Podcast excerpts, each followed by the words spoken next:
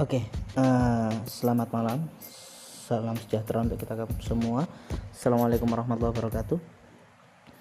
Uh, kita ketemu lagi di menjelang pertemuan-pertemuan terakhir mata kuliah metode penelitian kuantitatif.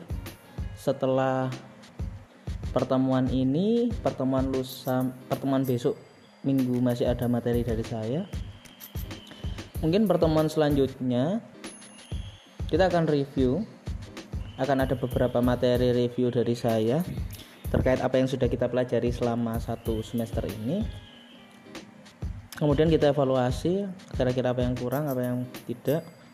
Saya lakukan evaluasi di situ dan kita langsung masuk ke minggu TS EWAS tidak terasa sudah pertemuan ke 12 ini.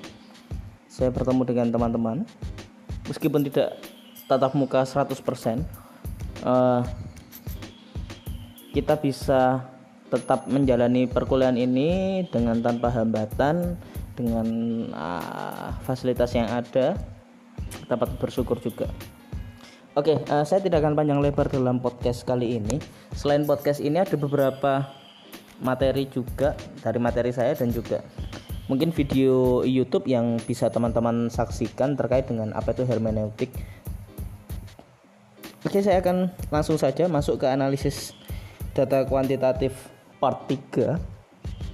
Setelah kita kemarin berdiskusi soal semiologi, semiotika dan juga analisis wacana, kali ini kita akan berdiskusi soal hermeneutik. Tentang hermeneutika, sistematikanya kita bahas tidak jauh-jauh tokoh-tokoh hermeneutik nah, apa itu hermeneutik misalnya? Ada lalu uh, saya ambil satu contoh hermeneutika Gadamer dan sebagai aplikatif tentunya ini bisa kalian baca di slide saya saya tuliskan juga cukup banyak di sini. Nah, hermeneutik hermeneutik ini kalau di dalam tujuh tradisi komunikasi dia masuk kajian fenomenologi. Nah analisis yang berhubungan dengan hermeneutik itu analisis fenomenologi. Meskipun nah ini yang menjadi uh, hal penting. Apa yang membedakan hermeneutik dengan wacana maupun semiotik? Nah itu selalu menjadi pertanyaan. Perbedaannya adalah hermeneutik itu lebih pada pengalaman individu atau pengalaman komunitas atau pengalaman kelompok. Dia berbicara soal banyak hal mulai dari uh, interpretasi hingga apa itu konstruksi sosial yang membangun. Nanti kita akan berbicara soal Bildung, apa itu Bildung di dalam konsepnya Gadamer. Itu mungkin akan sedikit memperjelas tentang apa itu hermeneutik. Nah, ketika teman-teman di sini melihat uh, hermeneutik itu sebagai sebuah cara untuk melihat bagaimana manusia memahami dunia melalui pengalaman langsung Studi hermeneutik itu berbicara banyak tentang bagaimana kita memahami pengalaman manusia atau dalam ilmu komunikasi dekat dengan studi fenomenologi. Nah, ini fenomenologi. Komunikasi kan ada tujuh tradisi. Sedang fenomenologi itu membiarkan segala sesuatu terjadi benar apa adanya. Jadi kita tidak tidak dapat mengintervensi apa pun, kita hanya menerjemahkan apa adanya. Metode diam, diam kita sebagai uh, informan atau uh, kita sebagai observer yang melihat kehidupan mereka lalu kita interpretasikan secara sistematik. Nah, ada fenomen cabang-cabang fenomenologi ini.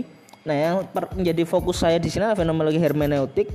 Ini nama lain dari interpretasi keberadaan. Nah, hal ini digunakan bahwasanya hanya hidup manusia dengan hanya dengan hidup misalnya, manusia pasti mengalami fenomena atau pengalaman. Namun, semua tidak ada artinya jika tidak dimaknai dalam kata-kata atau bahasa. Nah, bahasa menjadi sentral di sini ya, akan menjadi concern kita nanti adalah bahasa itu menjadi sentral. Singkatnya, fenomena itu harus dikomunikasikan. Inilah dasar bagi penelitian hermeneutika komunikasi. Jadi, eh, hermeneutika itu adalah bagaimana seorang masyarakat adat misalnya mengkomunikasikan kedaulatan eh, wilayahnya sebagai sebuah uh, entitas misalnya atau tanah adatnya itu sebagai sebuah konstruk tersendiri di dalam uh, problematika misalnya dengan tokoh tokoh-tokoh yang ada di sana atau misalnya dengan pemerintah yang ada di sana. Jadi terkadang banyak sekali tuh uh, konflik-konflik yang terjadi karena apa itu yang disebut dengan perang misalnya baik dari masyarakat adat dengan tokoh masyarakat yang ada di sana atau masyarakat adat dengan pemerintah uh, yang ada di sana. Mereka banyak sekali berbicara terkait dengan hal-hal yang sangat menarik. Uh, mereka berkonflik, tapi uh, ternyata memang konflik mereka itu menjadi hal yang sangat wajar. Karena apa? Karena mereka bertujuan untuk menyelesaikan hidup mereka. Nah, maka di sini hermeneutik itu adalah sebuah upaya di mana manusia itu menjadi e, hal yang menjadi dirinya sendiri atau mereka mengkomunikasikan dirinya sendiri untuk mereka bernegosiasi salah satunya. Nah, itu kajian-kajian yang menarik. Saya punya teman yang sedang melakukan riset tentang masyarakat adat di suku anak dalam. Kalau teman-teman yang dari Sumatera misalnya pasti tidak akan asing dengan sosok Butet Manurung misalnya. Nah, si Butet itu kan bicara banyak terkait dengan apa itu eh, bagaimana mereka memberdayakan anak-anak adat itu paling tidak mereka bisa ber, mereka bisa berkomunikasi dengan masyarakat yang dari kota paling tidak mereka bisa membaca Nah, itu pendidikan pendidikan alam. Nah, pendidikan alam si Butet Manurung. Nah, itu kan konstruksi komunikasi. Bagaimana mereka bisa berkomunikasi? Nah, itu studi yang menarik. Atau misalnya seperti apa sih sebenarnya misalnya masyarakat Jogja itu menerjemahkan tentang keberadaan keraton. Nah, ini yang menjadi uh, concern dari fenomenologi hermeneutik itu. Nah, tokoh-tokoh fenomenologi hermeneutik fenomenologi sendiri itu ada Edmund Husserl. Uh, dia adalah fenomenologi klasik. Lalu ada Maurice Ponti, dia fenomenologi persepsi. Uh, saya tidak perlu menjelaskan itu, di slide sudah di saya tuliskan. Lalu ada Martin Heidegger. Nah, ini yang menjadi bapak dari fenomenologi hermeneutik. Lah, kita akan masuk. Nah, banyak orang-orang positivistik bilang fenomenologi itu adalah sebuah pendekatan naif. Nah, oleh banyak ahli positivistik dan juga kritis. Karena itu mereka disebut orang-orang fenomenologi itu susah untuk menjelaskan apa yang namanya subjektivitas. Ini yang menjadi problem juga. Serta tidak menjelaskan sistem efek sebagai sebuah kerangka berpikir ilmiah. Ini menarik karena bagi mereka ya hidup itu biarkan saja alam yang mengatur alam yang biarkan bahasa yang menjadi sentral nah, yang menjadi sentral komunikasi masyarakat sana sedangkan kita tidak akan pernah melakukan sesuatu tanpa pemaknaan. Maka di situ fenomenologi hermeneutika membangun tradisi ini seperti pemikiran Heidegger yang mempengaruhi Gadamer. Nanti kita akan berbicara di situ. Tokoh-tokoh hermeneutik ini ada banyak ada uh, Schleimacher ini hermeneutika historis, rekonstruksi historis tentang sejarah atau bagaimana mereka itu bersikap atas dasar sejarah yang mereka alami misalnya eh, anak seorang anggota TNI dengan anak seorang pedagang tentu eh, tingkat kedisiplinannya akan berbeda misalnya. Lalu Ditley itu bicara tentang hermeneutika sebagai dasar ilmu sosial. Ditley mau mensejajarkan ilmu alam ini dengan ilmu sosial bersumber pada pengalaman kemudian menghasilkan pemahaman. Nah, ilmunya Hitler ini disebut uh, sosial relatif. Kalau ilmu alam absolut, sosial relatif. Nah, ini rumit juga penelitian Hitler.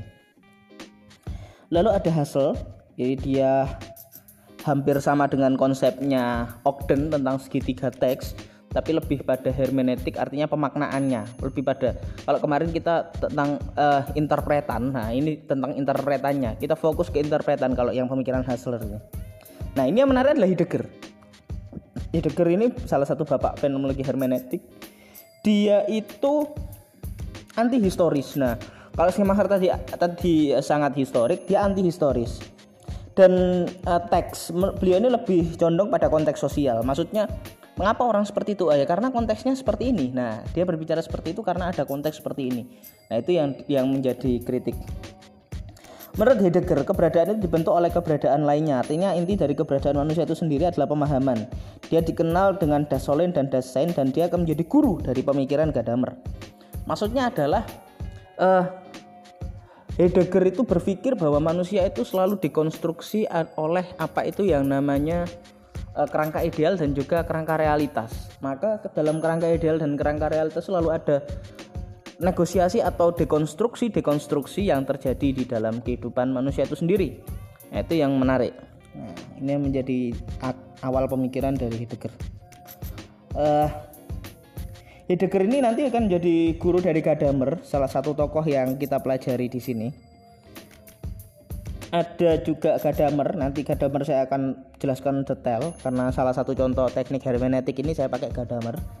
Lalu ada Paul Ricoeur rekor ini lebih pada simbol. Nah, simbol sebagai uh, titik tolak dalam memahami teks. Dia memang banyak yang bilang tokoh semiotik, tapi dia hermeneutik. Dia lebih pada uh, bagaimana signifier atau orang yang memberikan tanda ini, penan, pemberi tanda, ya, dan juga petanda orang yang ditandai. Maksudnya adalah uh, fokus pada interpretasi orang kita menandai orang itu baik dan buruk misalnya kan dari misalnya cara berpakaian atau cara mereka untuk mengkomunikasikan sesuatu kepada kita. Kalau misalnya saya yang sudah banyak berinteraksi dengan masyarakat dari berbagai kalangan, saya tidak mudah untuk bilang meskipun anak itu uraan, saya bilang sebagai orang yang buruk.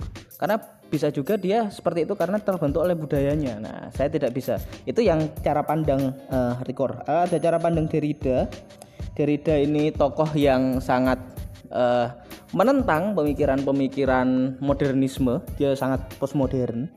Dan yang terakhir ada Habermas. Nah, Habermas ini cukup panjang kalau saya jelaskan dari teorinya tentang uh, demokrasi deliberatif sampai dengan teori-teori tentang apa itu communicative action, public sphere yang akan membangun uh, kehidupan anti birokrasi dan sebagainya ini yang menjadi menarik dalam pemikiran Habermas. Oke, pemikiran Gadamer. Saya ambil uh, salah satu contoh. Gadamer itu orang yang paling dinamis dalam menjembatani pemikiran filosof sebelumnya. Ketika Schumacher dan juga Heidegger ber, berdebat soal historis dan ahistoris, maka Gadamer menyambungkan keduanya. Tetap penting historis itu, tapi tidak selalu historis kita juga berpikir tentang apa yang mengalami kita alami saat ini. Nah itu yang menjadi pemikiran Gadamer sebagai penengah. Nah, hasil pemikiran Gadamer maka orang itu akan memiliki empat dari pemikiran.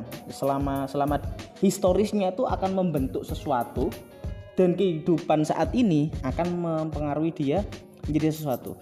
Ketika Heidegger fokus pada kehidupan saat ini dan Schemacher lebih pada kehidupan masa lalu nah Gadamer ini menggabungkan keduanya.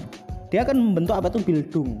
Bildung itu karakter, karakter pembentuk jalan pikiran. Misalnya yaitu tadi jalan pikiran orang yang culas karena dia dididik dari keluarga kriminal misalnya. Itu saya tidak pernah bisa menyalahkan dia menjadi culas. Maka alasan lu kenapa dia menjadi culas itu baru dicari alasannya. Karena kalau misalnya dia menjadi culas karena memang karakternya seperti itu, belum tentu juga saya di dalam posisi itu juga tidak menjadi culas. Nah, itu itu yang jalan pikiran, konsepnya Bildung. Nah, sense of komunis ini bukan partai komunis ya, tapi dia berbicara soal kebenaran konsensus atau rasa sosial. Dari contohnya kita di sini di Indonesia, simbol kita mengang, mengangguk itu kan tandanya iya. Tapi kalau di India, kita mengangguk itu tandanya tidak. Nah, itu yang menjadi problem. Kalau kita mau bicara di India, mengangguk itu tidak. Pernah itu e, seorang presiden Amerika itu sampai yang dia kidal misalnya, e, dia makan dengan salah satu pimpinan di Timur Tengah yang menganggap makan dengan tangan kiri itu adalah hal yang tabu. Nah, dia sampai menindi tangan kirinya itu agar dia tidak ikut-ikutan makan. Nah, seperti itu. Itu itu merupakan apa itu yang disebut dengan sense of sense of community. Nah, sense of community itu tidak bisa dianggap general karena dia melihat konteks ruang dan waktu. Di tempat ini berbeda, di tempat sana berbeda, seperti itu. Kalau ada pertimbangan apa itu selera dan lain-lain. Nah, lingkaran hermeneutik Gadamer itu dimulai dari apa itu mengerti, ada struktur lingkarannya supaya orang mengerti harus ada pra pengertian untuk memperoleh pengertian orang harus bertolak dari pra pengertian nah untuk mengerti suatu teks harus ada pra pengertian dulu apa yang dibicarakan dalam teks itu. Setelah habis membaca teks maka akan mewujud pengertian yang sesungguhnya. Jadi pengetahuan kalau menurut orang-orang hermeneutik Gadamer itu itu sebuah siklus yang tidak akan pernah berhenti.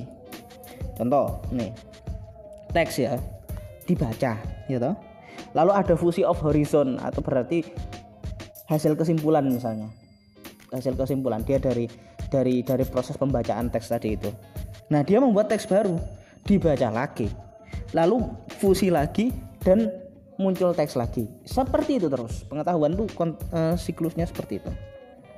Nah di dalam konsep uh, Gadamer bahasa ini selalu menjadi sentral dalam hermeneutika inti terpenting adalah bahasa. Ketika berpikir medianya bahasa. Ketika mengerti mengerti dalam tanda kutip mengerti itu kan memahami atau uh, menerjemahkan meng, mengetahui apa pun misalnya. Mengerti sesuatu itu medianya juga bahasa. Coba bayangkan Anda misalnya aduh penjelasan Cak Imron ini nggak jelas nah di dalam pikiran anda apa yang kalian gunakan untuk menerjemahkan itu ya bahasa nah terjadi fusi of horizon misalnya kita menyimpulkan sesuatu oh ternyata hermeneutik adalah studi tentang mengerti atau studi tentang mengalami kehidupan seseorang nah itu berarti misalnya kalian sudah melakukan fusi of horizon dari diskusi kita tentang ini ya apa yang menjadi uh, sentralnya ya bahasa apa pun yang ada dalam hermeneutik selalu dalam bahasa maka menurut Gadamer, nothing exists except to language. Jadi tidak ada yang eksis tanpa adanya bahasa. Bayangkan, Tuhan pun diterjemahkan dalam bahasa toh. Itu yang mungkin menjadi perdebatan umat manusia seluruh dunia ini. Misalnya kaum Yahudi menyebutnya Yahweh, kaum e, Islam menyebutnya kaum Islam dan Nasrani misalnya menyebutnya Allah atau Allah kan sejenis. Lalu kaum e, yang lain menyebutnya Sang Hyang Widi. Nah, itu kan sebenarnya problem bahasa saja sebenarnya. Problem bahasa dia menerjemahkan Tuhannya. Nah, kan problemnya seperti itu. Karena problem bahasa ini bisa menjadi perang dunia, bayangkan. Ini menarik, ya, menarik sekali kan seperti itu. Nah, maka dari itu orang itu harus memahami bahasa dalam studi ling ya uh, bukan studi linguistik, studi hermeneutik ini.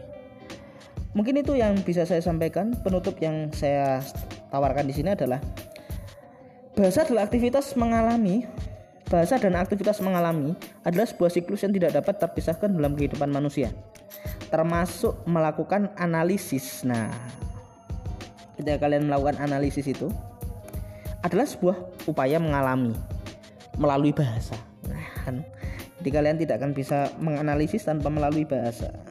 Jadi ya, kalian misalnya uh, mau menganalisis uh, kuantitatif kalau kalian tidak paham bahasa statistika piye nggak bisa tuh nah ini yang menjadi concern. Maka itu saja yang bisa saya sampaikan. Nanti ada beberapa materi juga yang bisa saya share. Uh, kurang lebihnya mohon maaf. Bila itu wassalamualaikum warahmatullahi wabarakatuh